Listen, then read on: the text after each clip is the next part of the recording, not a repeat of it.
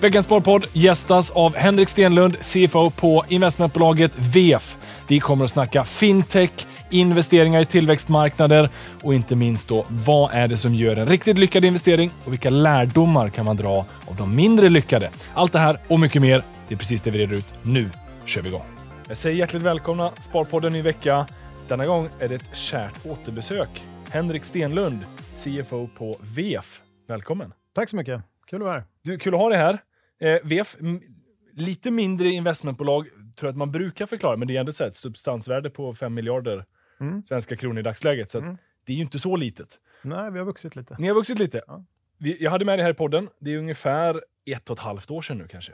Det är så länge sedan. Det är det förmodligen. Det var sommar vet jag och det var inte förra sommaren. Så, Nej, det stämmer. så det, det, är- det är ett tag sedan. Och det har säkert hänt en hel del. Så Mm. det är det jag är lite nyfiken på att höra Mm. mer om. Absolut. Men eh, det är alltid någon eh, ny lyssnare och sånt, så ska vi inte bara ta VF? Om, om du får eh, Mm. sammanfatta det. Liksom, vad är. VF? Ja, absolut. Uh, ja, men det är ju, vi är ett investmentbolag noterat på First North i Stockholm.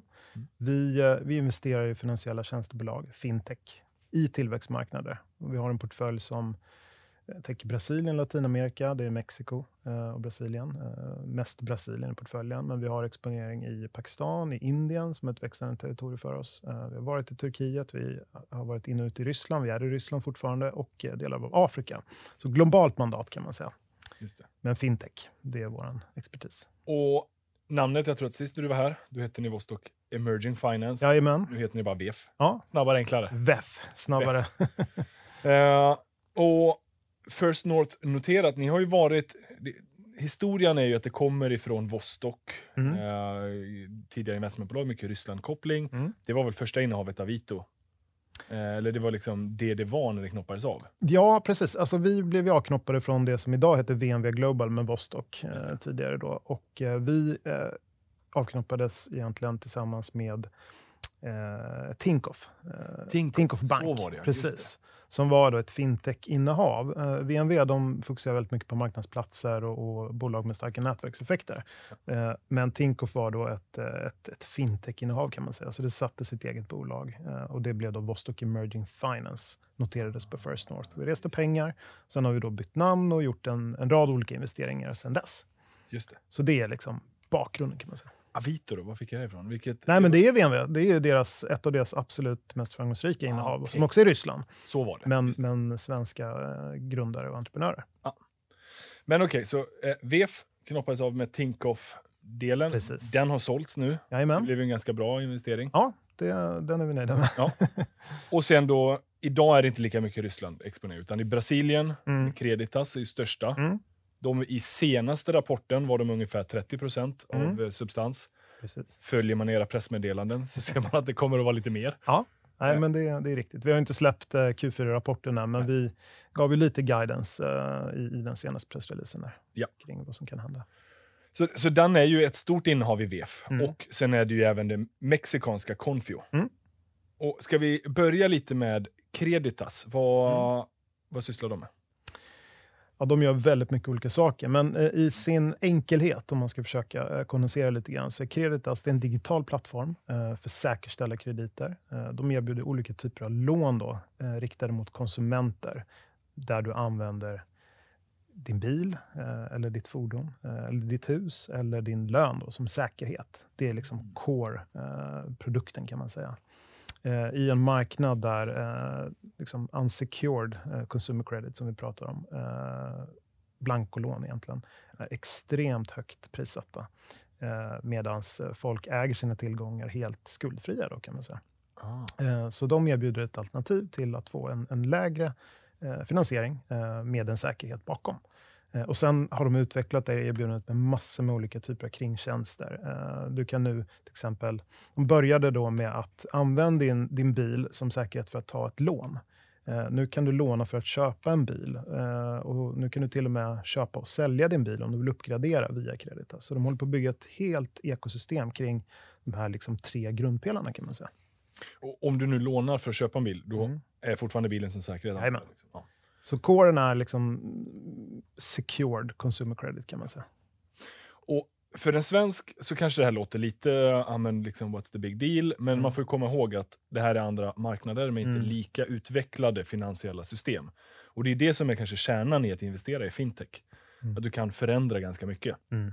Så skulle, nu, nu gissar jag här lite, men om man chansar på räntan på deras lån, den är Ja. kanske så här 10-20 procent som Creditas erbjuder, eller vad är den? Mm, ja, det skulle man... ja, precis. Ja. eh, 20 kanske, lite beroende på vilken typ av tillgångslag då, som du har som säkerhet. Det är klart att en, en bil är ju inte en lika säker tillgång kanske som ditt hus eh, eller lägenhet. Eh, och det reflekteras i prissättningen. Men absolut, det vi pratar om eh, i det häradet ungefär Ja. prissättningsmässigt kontra då en, en, ehm, ett kreditkort eller någonting som kan ligga en bra bit över 100 i ränta per år. Ja. Så det, Och det var det jag skulle komma till, Mm. för en svensk som hör att eh, wow, de lånar ut till 20 procent. ja, det, är- Jag skulle aldrig signa upp mig på det där. nej. Men där nere när alternativet är Mm. 100 till 200 procent, någon som kommer och erbjuder 20, Mm, då är det ju en enorm skillnad. exakt. Men då inser man också att det finns en stor lönsamhet. Mm. Sen antar jag också här lite nu att kreditrisken är ju betydligt mycket större. Svenskar generellt sett betalar ju sina lån och Mm. allt sådär. Det finns några som inte kan göra det. Mm. Men, men där nere måste det vara fler och det reflekteras ju i prissättningen. Mm. Absolut, så är det. Och, och framför allt kan man säga att det är på den, liksom, eh, på, på den eh, osäkerställda sidan, det vill Ja. säga blankolånen och de här. Där är ju kreditrisken väldigt, väldigt hög.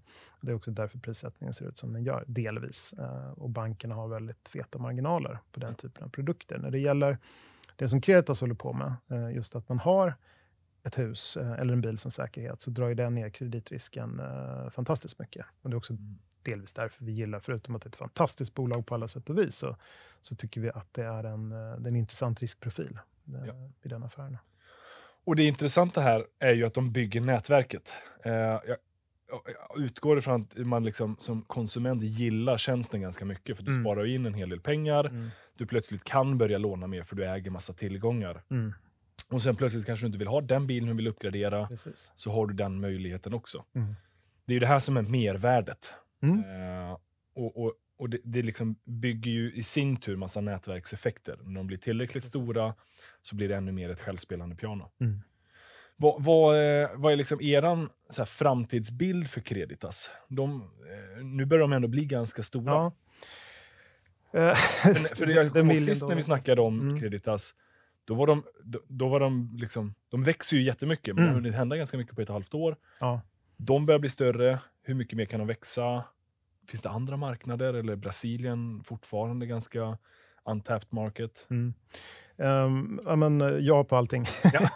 Eh, nej, men så här, eh, Brasilien är huvudmarknaden om vi börjar där. Eh, och det är absolut core. Men man har också startat i Mexiko.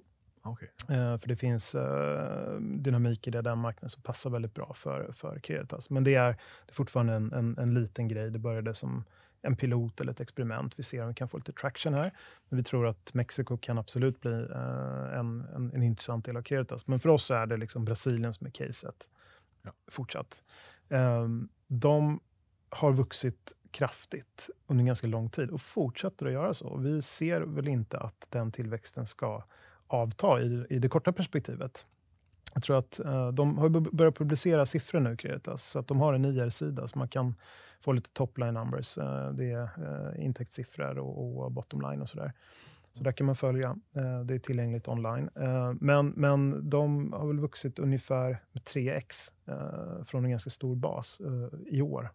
Uh, Eller i år, 2021 Ja. pratar vi då. Ja, exakt. Så att de, de har fortsatt en extremt kraftig tillväxt. Eh, och ehm, är ju i processen att ta in ännu mer pengar, för att, eh, som vi kommunicerade i en pressrelease här. Eh, där vi investerade 25 miljoner dollar till, för att vi tror på caset så pass mycket. De har också varit ute och pratat ganska mycket om att de gör sig redo för en IPO under andra halvan av 2022. Ja. De ska göra sig redo för en IPO. Sen huruvida de väljer, det beror ju på hur bra är marknaden, hur ser prissättningen ut och så vidare. Och så vidare. Men vi, vi tror extremt mycket på Creditas och det är därför vi har fortsatt att investera. Vi har investerat nu nästan 100 miljoner dollar i det bolaget eh, totalt. Då. Ja. Eh, så att vi har, vi har high conviction kan man säga eh, och älskar det bolaget. Och ni har, ni har stoppat in 100 miljoner Ja. dollar. Hur mycket är, är värdet på den positionen i dagsläget? Mm. Liksom där skiftar ju alltid upp och ner och så vidare. Den senaste ja, men... precis. Jag tror att jag får göra så här eh, med hänsyn till att vi eh, är i, i ett fönster nu. Aha, Om man tittar på vårt senaste rapporterade i Q3 ja. Eh, och så har vi skrivit i pressreleasen att vi förväntar oss att värdeuppgången på navet kommer att vara ungefär 30 procent. Så får man en ganska bra siffra på vad det kan vara värt. Ja. Men en betydande värdeuppgång ja. materiellt. Bra där, att uh, vi ska hålla oss på rätt sida av ja. vad du får kommunicera. Ni, ni, kommer ju släppa... Har ni brutit räkenskapsår? Nej, vi har... Vi har uh, ni har samma? Ja. Mm. Just det. Uh, men börsnotering, mm. Brasilien, är det liksom en en rimlig börs att notera sig på, tror du? Eller vad? Ja, men det är en bra marknad. Sen ja. så, så, tror jag att man ska tänka kanske mer Nasdaq i USA. Ja. Um, om man tittar på uh, techbolagen. Ja, tittar man på techbolagen i, i Brasilien så har de ju, um, de har ju gått på, på Nasdaq. Uh, och eller har en, en dubbel notering. Och för er, det finns inga problem att äga det även i noterad miljö? Eller? Ni är ju primärt onoterat. Absolut. Och det, köper, men... Ja, nej, men så är det. Och, och vi... Uh, det där är en fråga man får ganska ofta och den är superrelevant. Vad gör man den dagen ett av innehaven faktiskt eh, noteras? Eh, sitter man kvar för att man har en, eh, en, en gräddfil till information? Det är en fråga. Vi, vi har ju styrelserepresentation i bolagen så att vi har en extremt god insyn och, och, och vet liksom vilka strategiska eh, vägar som bolaget är på väg att genomföra. Då. Ja. Eh, eller, så, eller tar man eh, och kammar hem en eventuell eh, bra vinst vid IPO eller behåller man en del eller inte?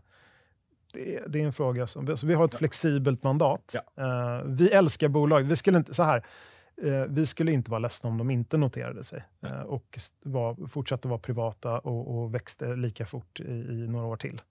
Eh, men jag blir inte ledsen om någon betalar ett eh, fantastiskt pris i en IPO heller. Nej, men ni, ni är ju investerare. Mm. Uh, där måste man ha med sig i beaktande. Bolaget är ena Precis. frågan och bolaget utvecklar sig fint, men mm.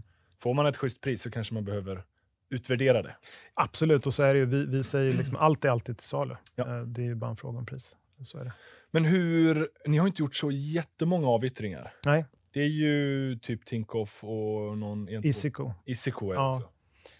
Det är bara dem. Så, och då har det inte varit i samband med börsnotering eller? Nej, eh, precis. Utan Isico, eh, det, blev, eh, det blev förvärvat av Naspers. Eh, eller PayU som en del av Naspers, då, det sydafrikanska eh, mediakonglomeratet. Um, och uh, Tinkoff, uh, det var ju noterat. Vi hade det noterat i vår portfölj, så att det sålde vi under liksom, en uppgång, en kursuppgång. Så ja. tappade vi den lite grann successivt för att kunna investera mer i, i nya bolag. Då. Just det. Eh, men okej, okay, så fortfarande Brasilien är caset för Creditas. Mm. Eh, det finns mycket kvar att göra. Oh ja. det, växer de under lönsamhet? Nu investerar de mycket i tillväxten så att säga. Mm. Men de, de är väl ändå rätt lönsamma i den tjänsten de erbjuder i dagsläget? Ja, precis. På, på liksom, eh, man pratar om unit economics, då, liksom, ja. så har de väldigt fin unit economics. Kan, man kan exemplifiera så här. De, de, de bränner mycket pengar det gör de. Men det är ju precis som du säger, det är för att liksom förvärva nya kunder och växa och bredda, produktutveckla och så vidare. Under, under våren eh, 2020, eh, jag tror att det var i april månad, när liksom första vågen av covid kom, alla stod och var livrädda för eh, vad som skulle hända och ingen visste riktigt. Då bestämde man sig för att liksom vrida av eh, marknadsföringskranen. Eh, och då vände man till kassaflödespositivt på tre veckor. Okay, ja. Eh, så att, så att det, är, det som är fint när bolagen har blivit så pass stora och har liksom en sund grundaffär, det är att eh, lönsamheten är mer kanske eh, ett beslut än någonting som man hoppas ska lösa sig. Ja. Vi investerar i bolag där vi ser att det finns en sund grundekonomi. Sen har inte vi några problem med att de eh, förlorar pengar under lång tid för att liksom, bygga ja. marknadsandelar och sådär. Om man tredubblar basen under ett år, mm. då, då är det värt att investera pengar för att få det, det utfallet. Ja, absolut. Så länge, så länge liksom, eh, den underliggande ekonomin i bolaget är sund. Det finns ju många affärer som eh, man pratar om, kolla vilken GMV vi har och, och, hur fort vi växer. Och där förlorar man kanske många gånger pengar på varje krona man spenderar istället. Eh, så att vi, vi, vi tittar väldigt mycket på, på den liksom grunden eh, ja. i bolaget. och så men det här är, nu är ju Creditas, jag tänkte vi ska snacka lite Confi också, mm. de är ju båda större bolag. Mm. Uh, men sen tänker jag att det finns ett bra gäng i portföljen som mm. inte ännu är samma mognad, Ja. samma grundläggande lönsamhet? Eh, eller är det Mm. alltid... För jag tänker det, det är svårt för tillväxtmarknad, det är svårt för den här typen av tillväxtbolag att alltid ha... Unit economics måste alltid gå ihop givetvis, Mm. men det finns ju en anledning att de behöver göra ett gäng nyemissioner, tänker jag. Ja. Eh, för, I vilken fas, så att säga, vill ni gå in i ett bolag? Mm. Ehm, vi, vi har ju den, den stora lyxen kan man säga, att vi, vi brukar säga att vi är stage agnostic. Så att vi, vi har ju gjort allt ifrån rena såddinvesteringar, där det fortfarande egentligen bara är eh, en idé, inte Mm. en färdigutvecklad produkt som inte har lanserats, hela vägen upp till strax innan notering. Eh, då. Så det, det är ett väldigt brett spektra. Ja. Så vi kan göra allting däremellan, men det vi, det vi gillar mest, det är väl att komma in i en fas där ehm, där det finns en, en, en bra tydlig produkt, där det finns traction på marknaden, där man har eh, byggt upp en, en viss eh, liksom kundstock egentligen, som man kan arbeta, och där man ser att här, här finns det möjlighet att, att verkligen eh, skala upp den här affären. Så att det man kallar för liksom tillväxtfasen, då, eller den aggressiva tillväxtfasen, där gillar vi att komma in. Med det sagt, vi har gjort både senare och tidigare investeringar också. Okay. Det, det får helt enkelt avgöra case to case. Vad Ja. som smakar bäst. Ja, men så är det. Plus att, att eh, olika marknader är också olika Ja. avancerade. Det är ju, eh, om du går på, på frontiermarknader eh, många gånger, så, så är det ju liksom ett mycket tidigare ekosystem. Där är det svårt att, kanske hitta ett cutting edge fintechbolag som gör en E-runda eh, och, och går för en notering, utan de nya möjligheterna som finns, de är ju ofta extremt tidiga. Eh, Och då är det mycket, mycket mindre inträdesbiljetter och investeringar som man kan göra. Det är inte möjligt att komma med 50 miljoner och göra en sund eh, investering i ett fintechbolag i, i Pakistan idag. Pakistan, är det ett frontier market? Ja, jo, men Ja, det, man säger det. Ja. ja, det räknas väl som frontier. Liksom. Va- va- Vart går gränsen för liksom emerging eller frontier? Vad är, li- Du kan, det finns ju index som mäter det. Ah, okej. Och vissa av de här länderna, de, de, eh, de hoppar ju emellan. eh, Ja. Lite grann beroende på. Mi- Min uppfattning är ju att ja, men så här, emerging är lite mer moget än frontier, Det är riktigt. så att säga. Ja. Sen eh, exakt vilken mognad och vad man mäter det på. Nej, det är inte lätt. och Det är, det är flytande många gånger. Men, men jag- man, grov yxat kan man väl liksom... Kan Jag man fattar att Indien liksom. är mer emerging än vad Pakistan är kanske. Ja, det ska man nog kunna säga i många avseenden. Absolut. Eh, Så det har inte så mycket med, nu är Indien större också så, men det är bara Mm. att det är lite kanske mognare i den ekonomiska infrastrukturen. Liksom. Mycket sånt antar jag det handlar om. mm, ja, men absolut. Det, Och ju tidigare, alltså ju mer frontier, då Mm. antar jag att det finns ju en större förändringspotential som man skulle kunna investera i. Det kanske i vissa fall inte ens finns klassiska bankkonton. Eh, Mm. Nu, nu, kanske jag blottar min kunskap om världen här, men, men jag tänker mig liksom att ju mer frontier, ju Ja. mer förändringspotential, men ju mer risk. Det finns en Ja. anledning varför den finansiella infrastrukturen inte är på plats ännu. pre- precis. Medan i Sverige, som är super, super utvecklat, Mm, inte lika enkelt kanske att hitta för en högre konkurrens. Mm. Eh, det finns jättemycket att göra här. N- Nordnet är ett fintechbolag Mm. på många sätt. mm, Och, och vi förändrar liksom aktiehandel. mm. Men eh, vi, var kanske liksom, det var mer förändringspotential tidigare. Ju, ju, ju, ju mer tiden går, ju mer Mm. moget har ju marknaden blivit. Mm.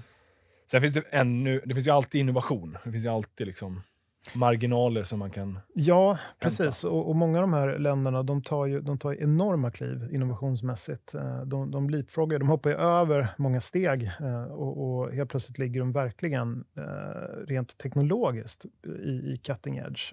Om man tar Indien som exempel, antalet olika typer av, av betalningslösningar som finns och sätt du kan betala på är ju, det är ju långt mycket mer avancerat än, än vad vi har i Sverige. Eh, och komplicerat.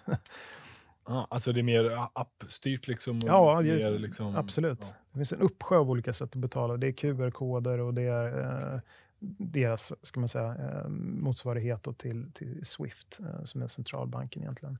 Styrt. Eh, det, är- och det är kortbetalningar och det är direct carry. Det finns så många olika saker eh, som man kan hålla på med.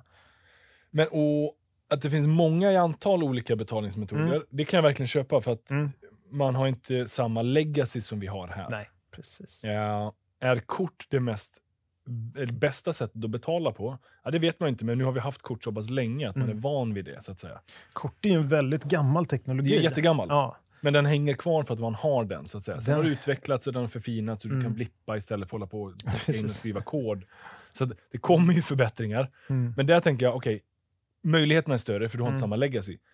Men det kan väl också hämma nätverkseffekterna. Mm. Alla kan kort i Sverige. ja absolut. Men, Eh, ja. Och, och, och det, det är intressant att du tar upp det, för att vi, vi har ju ett, några olika investeringar i Indien nu. Då. Eh, Men ett av, ett av de bolagen som vi har investerat i, de löser just det här problemet. Då.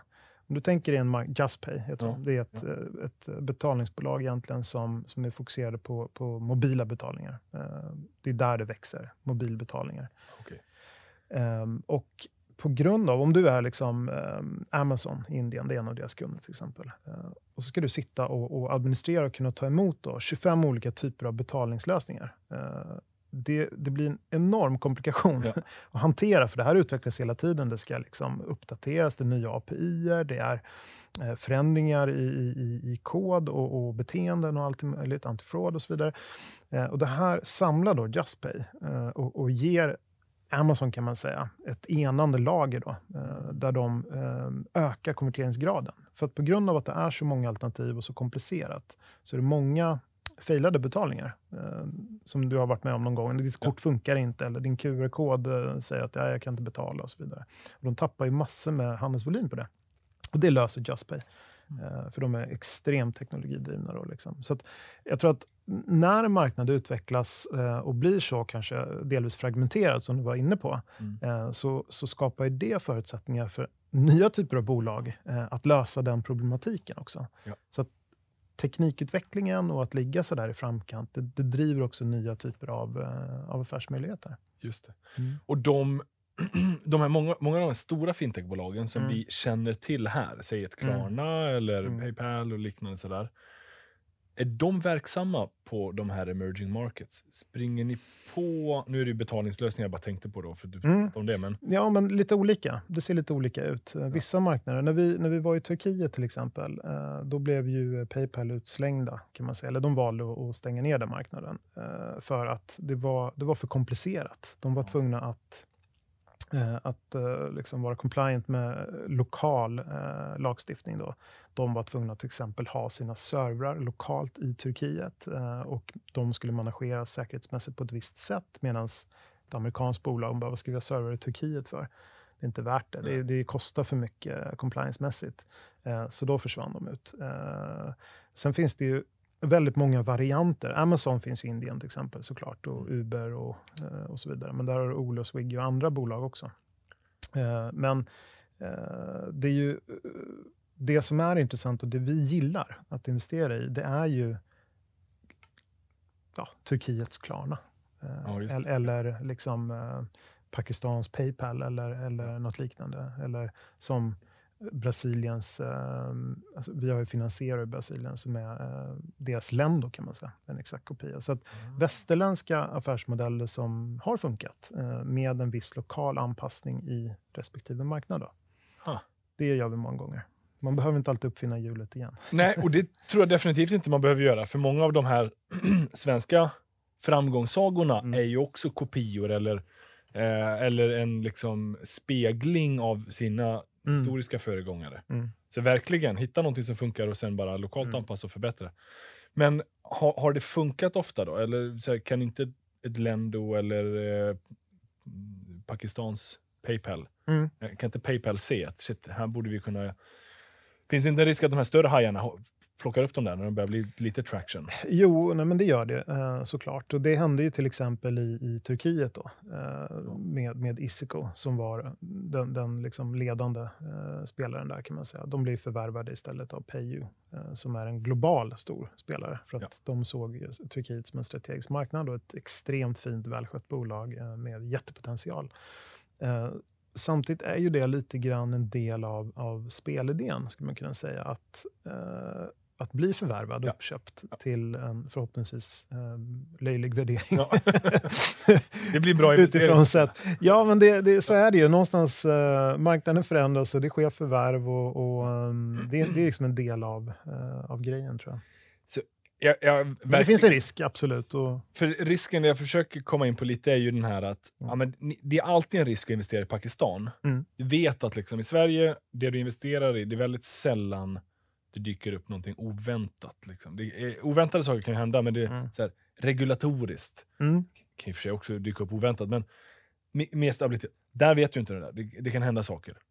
Så du tar ju en risk och vill ju få en ganska saftig premie för det där. mm, Det är då jobbigt om man har hunnit springa en viss del av liksom, maratonet, men du är bara Mm. första milen. mm, Ni ser rätt tydligt att det är tre goda mil kvar här Mm. som vi ser att det här bolaget skulle kunna utvecklas. mm. Men så är det någon som fångar upp det. Ja. Nej, och det, Men det händer inte så ofta då, eller? Alltså, både ja och nej. Det, vi, vi lägger extremt mycket tid på uh, vår DD-process. Ja. Eh, genomlysningen av bolagen. Vi vill verkligen förstå allting. Vad är det för risker? För det, till syvende och sist handlar det om att hitta bra människor eh, och, och liksom en, en, ett, ett, ett bolag med extremt bra entreprenörer i en stor marknad med stor potential där de löser ett problem. Det är ju det det handlar om. Men, men sen är det ju liksom att, att hela tiden managera risk. Det är det det går ut på. Och hitta liksom en, en risk-reward eh, som, som är acceptabel och bra. Eh, och I synnerhet kanske när man investerar i, i eh, finansiella tjänster då, eller fintechbolag, då blir ju den regulatoriska biten som du nämnde, Eh, den blir ju jätteviktig. Eh, att förstå hela spelplanen när du går in i, i en ny geografi. Vart är det här på väg någonstans? Vilka är makthavarna? Hur, vilken roll har bankerna om, om fem år? Vad är de på väg någonstans? Telekombolagen som ju typiskt sett har alla förutsättningar att äga alla marknader för att de har en sån enorm kunddatabas och de har teknologin och så vidare. Vad gör de? Hur kommer de att liksom positionera sig i, i den här förändliga marknaden? Och sen eh, lagstiftarna. Vad händer med liksom licenskrav och så vidare? Vad, vad, vad är nästa steg? Finns det en fintech-licens? Eh, finns det en, en payments license eh, idag eller är den under eh, framtagande och så vidare? Så att alla de här typerna av frågorna måste vi adressera då, när vi går in. Men det är fortfarande en risk. Ja. Det, så är det ju. Det är ju aldrig riskfritt. Nej, och, och det, här, det är ju det attraktiva då med just avkastningspotentialen Ja. som kommer därefter. Exakt. När du är den som disruptar en marknad Mm. och verkligen får traction så Mm. brukar det ofta bli en ganska fin multipel på det. Precis. Men det jag tänkte på lite re, så här regulatoriskt. Mm. De, vi har mycket lagstiftningar här i Europa, Mm. USA, Sverige. PSD-direktiv och sådär. Mm. Finns det sådana motsvarigheter? Görs Mm. sådana regulatoriska Mm. insatser eller är det ganska mycket High Chaparral? Nej, det är mer än du tror faktiskt. Ja. Eh, och, och återigen, väldigt, eh, väldigt mycket eh, marknadsberoende. Där, där vissa marknader är extremt avancerade. Vissa har varit supertidigt ute och skapat en, en, en sandbox för fintechbolag som de kan jacka in i för att testa sina produkter och så vidare. Mm. Sen ser man i, i andra marknader att det är ny regulation på väg som ska reglera den här typen av nya spelare som inte har funnits, för det har helt enkelt inte funnits någonting. De jobbar på det, men det kan ta tid. Då är det många bolag som istället eh, skapar ett partnerskap med till exempel en bank eh, som redan har full licensiering, så att säga. De kan göra vad de vill. Eh, så blir de, men de, de blir som en superagent kan man säga för banken och har de möjlighet att ändå bygga sin verksamhet och i väntan på att en, en licens för betalningar eller utlåning eller någonting annat ska komma. Men, men det, är, det pågår otroligt mycket på den, den regulator, regulatoriska sidan. Eh, och, eh, Till, all- till fördel för bolagen. Så här, det är ju ofta ur ett konsumentperspektiv, men, ja, men bolagen kan ju kanske gynnas av det också, så att säga. Eller är det mest... Ja, nej, men det, det skulle jag säga. Och, och att, det är, um, att det där går lite grann hand i hand många gånger. Att Mm. om, om det möjliggörs för, för fintechbolag att få lite mer spelrum på marknaden och bedriva sin verksamhet, då tror ju vi någonstans i slutändan att det kommer att gynna konsumenterna. Ja. För att alternativet är alltid, antingen i vissa fall och kanske telekombolag, men företrädesvis de befintliga bankerna. Och, och de är inte alltid the good guys. Eh, det är svårt att få lån, det är svårt att kanske till och med bara öppna ett konto eh, och, och så vidare. och Så vidare. Eh, så vi, Och de har ofta ganska monopolistiska ställningar, Ja. stora, men mycket legacy. jättemycket så. Och det är ju än en gång då, det är där fintech kommer in, hittar en lösning Mm. för kunderna som Mm. många efterfrågar. Jajamän. Exakt. Eh, hoppa till någonting helt annat, men Mm. jag bara- som jag tänkte på lite innan. Det här med olika rundor eh, när ni investerar.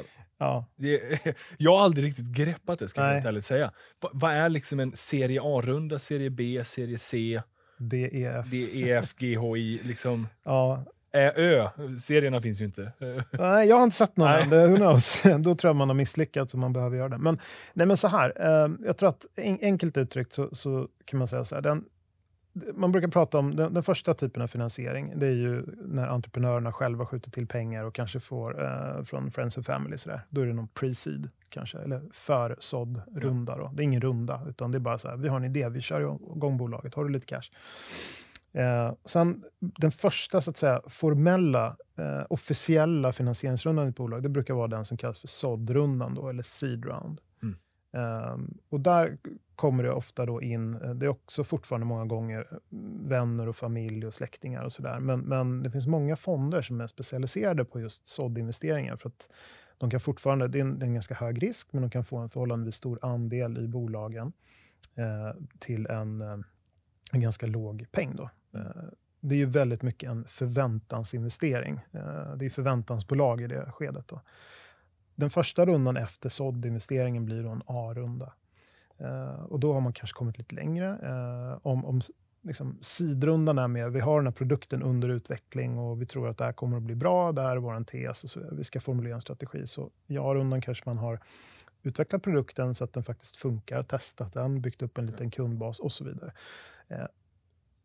Man ska inte prata för mycket om det där, men man, det man kan säga är att ju, ju, liksom, ju längre upp i alfabetet du har kommit, ju, ju, ju Mognare. mer moget är bolaget du investerar i och därmed också såklart storleken på rundan och värderingen i bolaget. Okej. Ehm, Det brukar vara en högre värdering på en C-runda det brukar det ju vara. än en A-runda. Ja, Alltså, att, jag fattar att rundan är större, mm. men, men man värderar bolaget till en högre multipel generellt sett. Nja, det behöver det inte vara, men det kan ju vara så att om multipeln är på en multipel av, av revenues eller intäkter, så är det så att ett, ett bolag som har funnits och, och vuxit under fem år och kanske gör en C-runda då, då blir ju liksom, även om det är åtta gånger nästa års förväntade revenues eh, kontra ett bolag som har funnits i ett år, så blir ju, även om det är åtta multipel där, Ja. Åtta där, så, så I det nominella multipl- värden på i nominella värden blir det mycket mer då. Ah, Okej. Eh, Och, eh, för, för jag noterar då att ni gjorde i JustPay en serierunda. Det var här i december. mm, Och sen då, jag kommer ihåg Q2 så skrev ni att Confio, hade ni gjort en E-runda. mm. Och då har de andra ord gjort ganska många runder för Mm. detta. Och det här, är, är- är Confio ett mer bolaget än JustPay då? ja, hur långt är ett snöre? Ja, Ja, nej men eh, fair point och eh, också lite unfair. ja jag vet. De, de, eh, de, det är lite som att jämställa, ska jag säga, inte jämföra, för det kan man göra, men jämställa äpplen och päron. För att JustPay eh, är verksamt i Indien eh, med digitala mobila betalningar. Ja. Eh, med eh, extremt låg take rate och extremt stor volym. Så det är, en, det är en väldigt annorlunda affär kontra Confio som bygger produkter för eh, småbolag eh, i eh, Mexiko eh, och har en helt annan volym när det kommer till eh, intäktsgenerering och så vidare. Men man kan väl säga att ja, eh, i det fallet om vi bara tittar på, på värdering och storlek på runda och, och hur långt de har kommit då, rent revenue-mässigt, så, så är Confi absolut större än, än JustPay. Så det finns någon koppling där, men det är inte liksom Jo, skrivet i sten. Nej, och det ser olika ut i, i olika fall. Och sen har vi sett att marknaden. liksom, eh, om man bara tittar tillbaka några år så, så var det ganska så här, ja men en A-runda då brukar man ofta resa ungefär så här mycket pengar och värderingen brukar ligga i det här spannet. För då, det är ungefär så långt man har kommit. Nu ser vi ju ibland dyker upp, ja nu ska vi göra en pre-seed, eh, first pre-seed round på 10 miljoner dollar. Mm. Oj! så att Och då är det bara att man Det- inte har det gjort extremt innan, eller att man bara börjar size. Alltså, Ja, och det är, liksom, det är en, en, många gånger en, en marknad som eh, har eh, ett överskott av kapital. Ja, det. Eh, och eh, det där kapitalet måste ta vägen någonstans. Eh, och eh, det finns hungriga entreprenörer som Ja. gärna tar det. som gärna tar det. Can't blame them. Märker ni, för ni har ändå varit verksamma nu ett gäng år, Mm. alltså det är det generella läget, framförallt här nu efter covid, eller? Att det finns ganska mycket pengar i överflöd. Ja, det gör det Och verkligen. även att det når hela vägen ut till de här tillväxtinvesteringarna. Ja, men mer och mer. När vi började så, så upplevde jag nog att vi var eh, mer ensamma eh, på bollen. Det var mindre, liksom, mindre fonder och, och, och internationella investerare som var och ryckte i, i de tillgångarna vi tittade på. Nu upplever jag att det är mer konkurrens. Eh, sen tror jag också så här att alltså, vi kanske också har rört oss eh, när vi började, då är man ganska ödmjuk. Vi är fortfarande ödmjuka, men vi började ganska försiktigt med lite, lite mindre tickets i bolag som vi kände oss lite mer trygga med och som kanske inte var posterboy-bolag eh, som, som står i Techcrunch och alla har hört talas om, utan eh, mer fundamentalt intressanta för oss, men, men, och lite lägre risk. Eh, nu har vi ju rört oss i kanske en riktning där vi gör lite större investeringar, lite större inträdesbiljetter varje gång. Och då tenderar det att vara bolag som har kommit längre och därför syns lite mer. eh, Och eh, fler har kanske fått upp ögonen för att det här är ett superintressant bolag. Eh, Och sen är det också marknadsspecifikt. Återigen, Indien som är en, en fokusmarknad för oss. Det tog oss fem år innan vi kunde göra vår första investering för att vi tyckte att det var för dyrt och, och för hög konkurrens och, och vi tyckte inte casen höll riktigt, även om det var fantastiska bolag. Vi var inte beredda att betala den värderingen.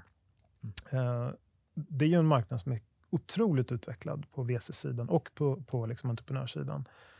Eh, och där har det funnits pengar länge, så det är klart att där är konkurrensen mycket hårdare eh, om tillgångarna Ja. eh, många gånger än vad det är i Egypten kanske, eh, eller mer frontiermarknader. Eller Nigeria. Och, och, och det fattar jag liksom. Men är, är det...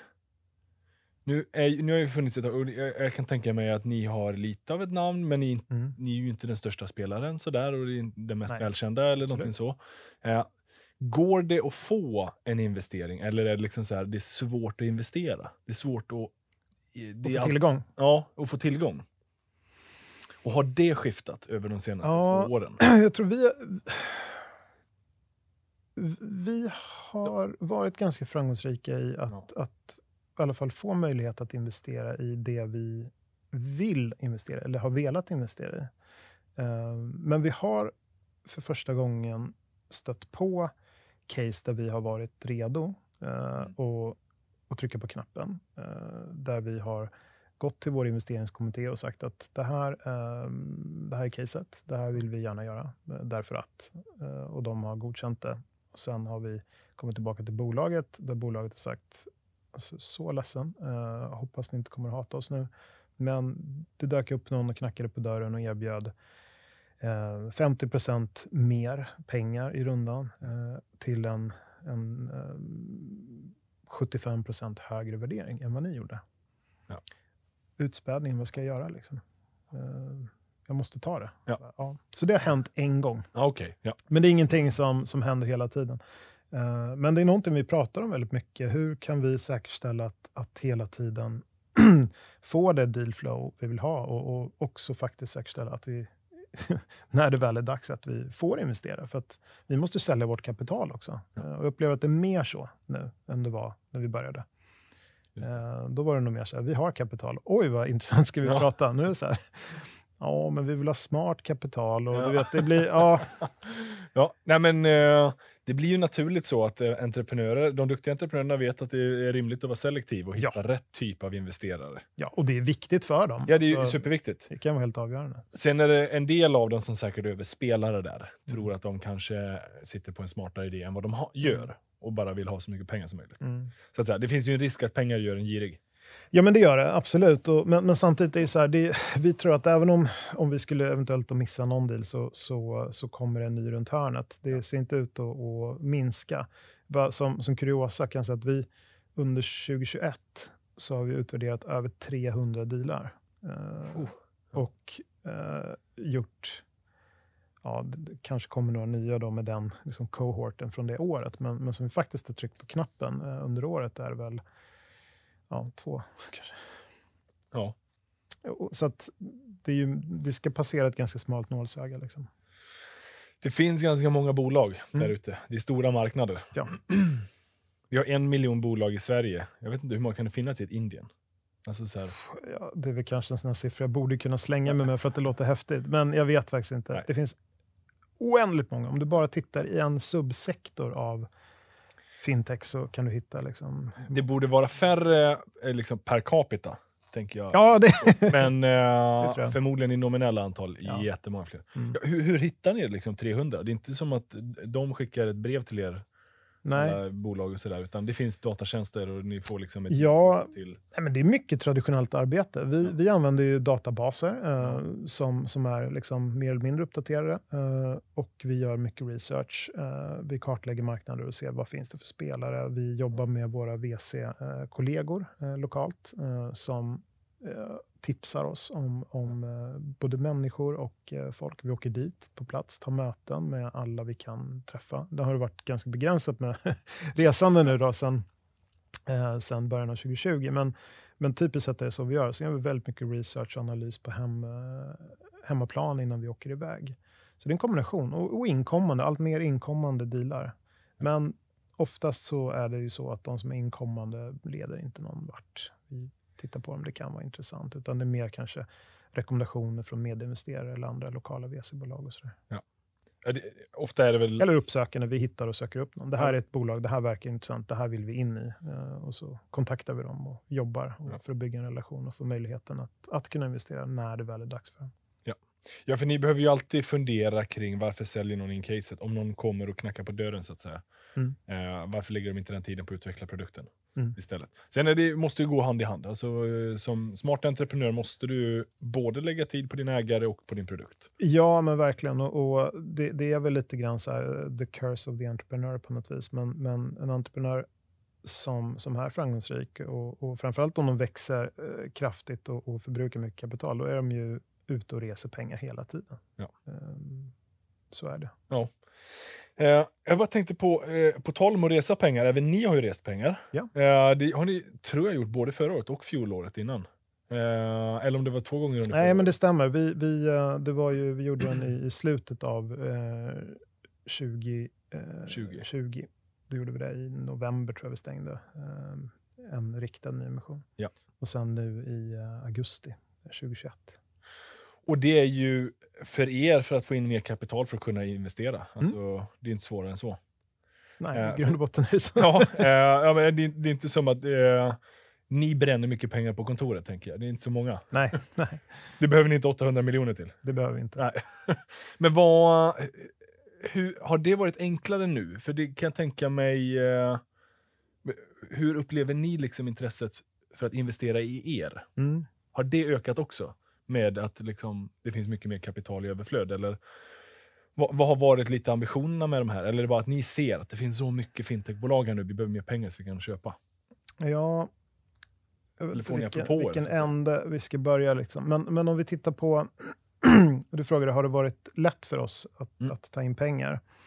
Så skulle jag vilja säga att eh, det kräver väldigt mycket arbete eh, att göra den typen av kapitalanskaffningar. Det, det är inte så att man bara Och det fattar jag med. Att de sätter bara, upp några möten och sen är det klart. Men, nej, men vi har haft ett otroligt starkt stöd av, av liksom både befintliga eh, aktieägare men också nya. Då. Och det är ju varför man, varför man gör en riktad emission det är för att bredda aktieägarbasen och få in nya typer av investerare. Eh, och för att man ganska fort behöver få in pengar. Eh, till skillnad från en, en vanlig eh, företrädesemission som, som är en mycket längre process med, med prospekt och annat.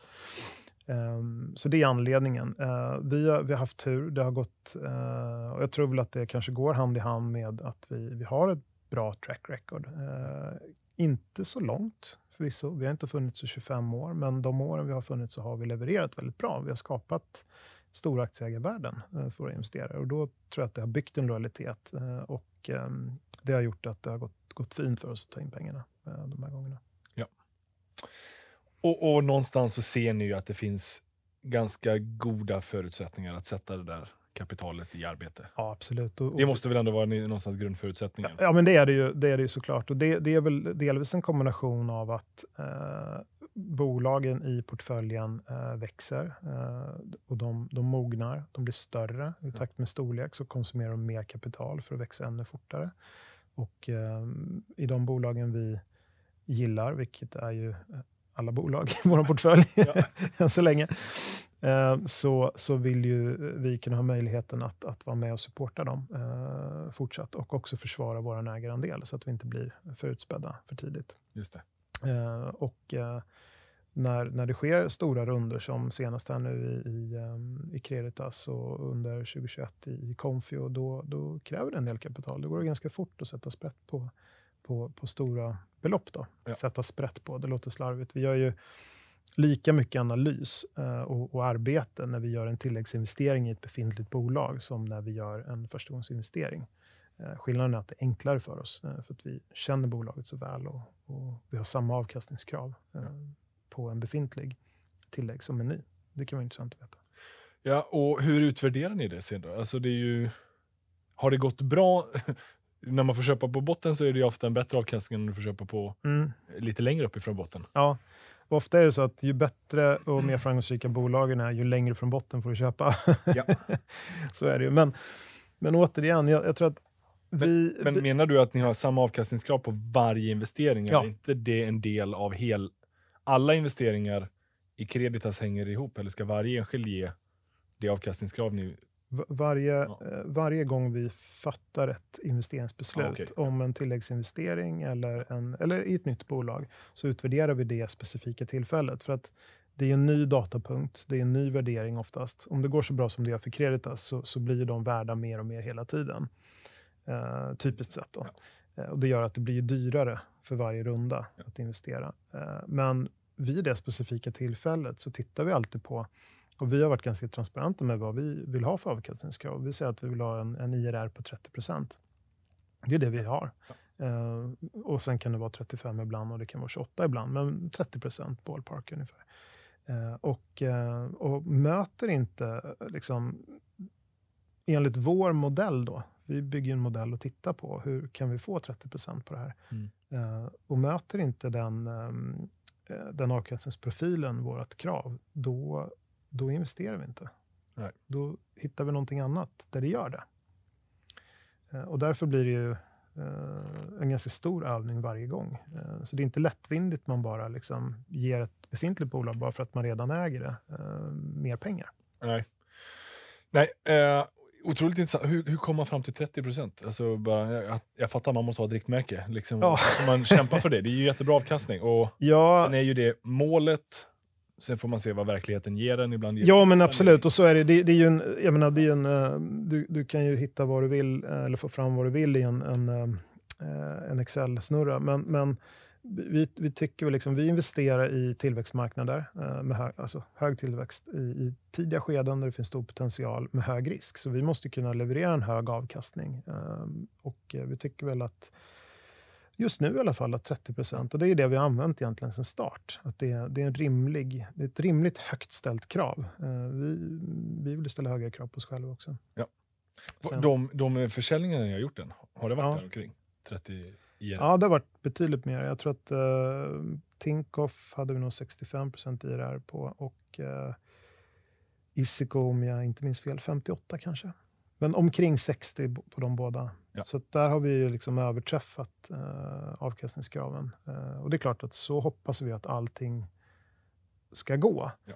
Men, men verkligheten uh, ser ju annorlunda ut. Så är det. Vi, har ju, vi pratade om det innan här, off camera, men vi har ju, eh, vi har ju två stycken eh, innehav som vi har eh, avyttrat, då, ja. utöver de här två framgångsrika som vi gärna pratar om.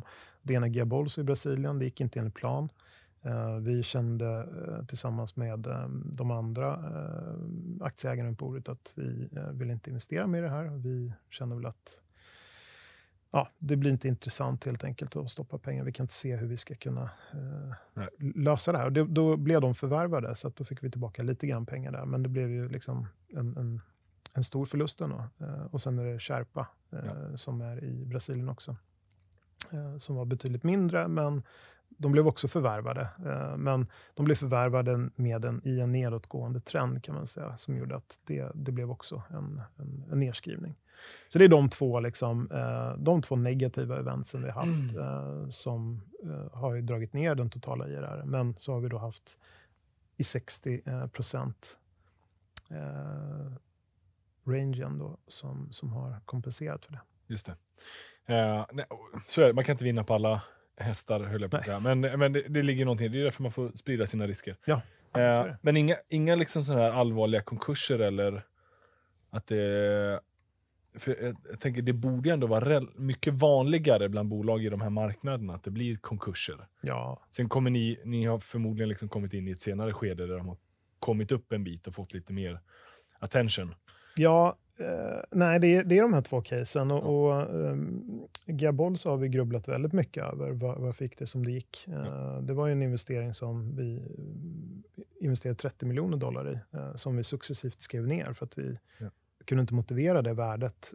I början så gick det fantastiskt, men sen så vände trenden. Och, och då var vi transparenta med marknaden och, hela tiden skrev ner värdet i takt med den prognosen vi hade kunnat se. Och till slut så blev de förvärvade. Och då var det från en låg nivå förvisso. Då hade vi tagit den över tid. Men, men tittar man i nominella pengar så är ju, det är inte en jättebra investering att investera 30 och få tillbaka 3. Nej, det är det absolut inte. Det är superdåligt. Ja. Eh, och det, det har vi såklart ägnat Ja. kanske oproportionerligt mycket tid åt att att analysera varför det gick som det gick. Och vi, vi, eh, vi vill ju vinna varje gång. Vi Vad, vad kom ni fram till hatar ju det. ja, nej, men jag tror att eh, faktum är att det som många gånger händer med bolag som kanske kantrar eller drar iväg, det är att man har Eh, och det här är vad vi tror händer i det här bolaget. Eh, att man, har, man har en grundprodukt produkt eller en tjänst som, som man är väldigt skicklig på att, att exekvera på. Och så länge man fokuserar på den så går det väldigt bra. Och det var precis det som hände. Eh, men sen började man experimentera med andra saker som inte nödvändigtvis var relaterade till liksom grundidén och grundprodukten i bolaget. Och jag tror att lärdomen är att bara för att du är en, en skicklig och duktig entreprenör på en sak så behöver inte det betyda att du nödvändigtvis också är jätteduktig på andra saker. Eh, eller andra typer av tjänster eller produkter. Och i Gabolsos fall så var det, det var en PFM, Personal Finance Manager, eh, som byggde en, en, en stor eh, kunddatabas. Och tanken var att man skulle börja tjäna pengar på de där mycket längre fram. Men så ville man ganska snabbt börja generera intäkter. Och på grund av att man hade så mycket data så tänkte man att ja, men vi, det är inget problem att, att börja med blankolån. Apropå det vi pratade om innan. Ah, okej, ja. Eh, och då gick det ganska snabbt eh, till en situation där nej, men det såg kanon ut i början och sen så märkte man att några av de liksom tidigare eh, gamla eh, ja, lånen helt enkelt från tidigare lånboken, de börjar helt plötsligt börja kantra. Man ser att performance blir mycket sämre eh, i, i, i kvaliteten. Och då stod man inför en situation, ska vi liksom double down, investera mer i det, eh, eller ska vi liksom bara stänga det här nu eh, innan det går för långt? Eh, och det var det som egentligen drev fokuset från eh, huvudaffären och sen så resten är historia. Då. Så jag tror det är the learnings därifrån. Det blir alldeles för spretigt, svårt att... Man, man hade Ja. en core-produkt. Ja. Det, alltså, det låter typ som en Tink-tjänst. Ja, det är en exakt tink. Men sen ville hitta ett annat, snabbare sätt att tjäna pengar. Ja. Och där, där sket sig. Ja. Men det är otroligt viktigt att dra lärdomar från sina investeringar. Ja, du, I ärlighetens namn, du lär dig ju inte ett skit på en framgångsinvestering där du stoppar in pengar och det bara går rakt upp genom stjärnorna. Det är bara... Och de styrelsemötena, du, ja, är mycket ryggdunkar. high five och ryggdunkar, ja det går jättebra. Härligt är ju det. Liksom. Men, Ja. men den, den tunga lärdomen, det kommer ju från de gånger det inte går som du har tänkt. Ja. Eh, Så är det. Du, eh, vi måste snacka lite Confi också. Vi har Ja. på ett bra tag. Men, eh, för det är ju det näst största innehavet. Ja. Eh, senaste rapporten typ 25 procent. Ja, Eh, nu får man se när nästa rapport dyker upp och sådär. Mm. Confio, vad gör de? Confio eh, opererar i Mexiko. Eh, de fokuserar på eh, småbolag, eh, kan man säga. Eh, och det är, i, I grund och botten så var det en, en, eh, återigen en digital låneplattform men riktade mot SMI-marknaden. Då, eh, som erbjuder olika typer av krediter till dem. Eh, idag är, är Confio någonting helt annat. De, de är eh, ett techbolag, det är så de profilerar sig. Ett techbolag som bygger finansiella tjänster och produkter för eh, SMI-bolag. Eh, så vi, vi ser väl Confio som... Eh, Fortnox? Ja, Fortnox är, är ju en del av deras erbjudande. Ja. Så, att, så att Confio erbjuder då krediter å ena sidan eh, eh, och sen har de liksom ERP eh, å andra sidan. Ja. Och sen betalningar, betalningslösningar, payments. Eh, så Ja, det är liksom okej. tre stycken strategiska punkter kan man säga, vad Confi håller på med. Men det sammantaget så är det, eh, vi, vi ser väl dem som att det, de, de kommer bli liksom den, den digitala SMI-banken eh, i Mexiko. Eh, typ Svea ekonomi eller, och Fortnox och lite sådär. Man vill hitta svenska Slightly more sexy. ja.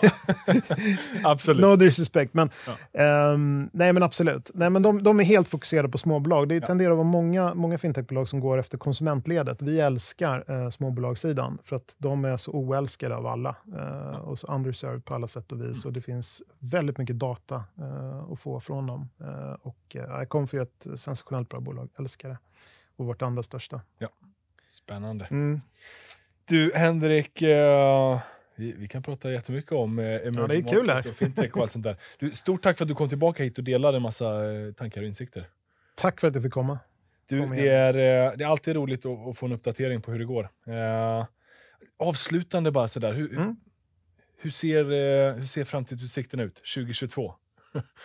Är liksom, de är så ljusa fokus? så att vi tar på oss solglasögonen. Ja. Eh, nej, men vi, eh, det, det, vi, vi, tycker att det ser eh, jättepositivt ut. Eh, vi har bra, bra momentum i portföljen. Våra fem största innehav är väl kapitaliserade nu, om man tittar storleksmässigt. Eh, och de har tagit in pengar, så de är liksom eh, i en position där de kan fortsätta växa. Det tar ju lite pressure av oss. Ehm, vi har ju gjort en, en, en rad olika initiativ. Vi, vi eh, flyttade från Bermuda till Sverige ja, ehm, och är nu ett helsvenskt bolag. Ehm, skapar mer, mer governance, och struktur och, och transparens kanske uh, gentemot aktieägarna. Det är möjliga för andra fonder att äga oss.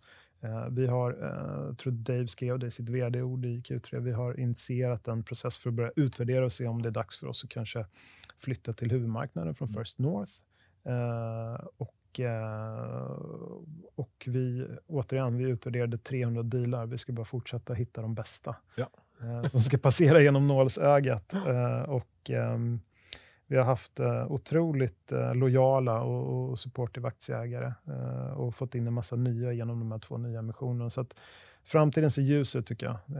Det är kul. Ehm, och vi opererar i en, en verkligen het sektor kan man säga.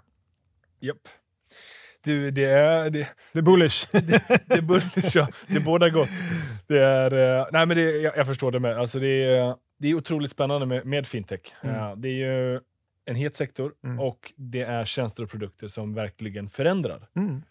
Förändrar för konsumenten, mm. men också förändrar ekonomiska förutsättningar. Alltså för de här bolagen, de är otroligt lönsamma om mm. man hittar den rätta. Precis. Knicket. Uh, Spännande att höra mer och följa hur det går för de här bolagen. Vi håller kontakten. Du, det gör vi. Tack än en gång för att du kom hit till Sparpodden. Tack.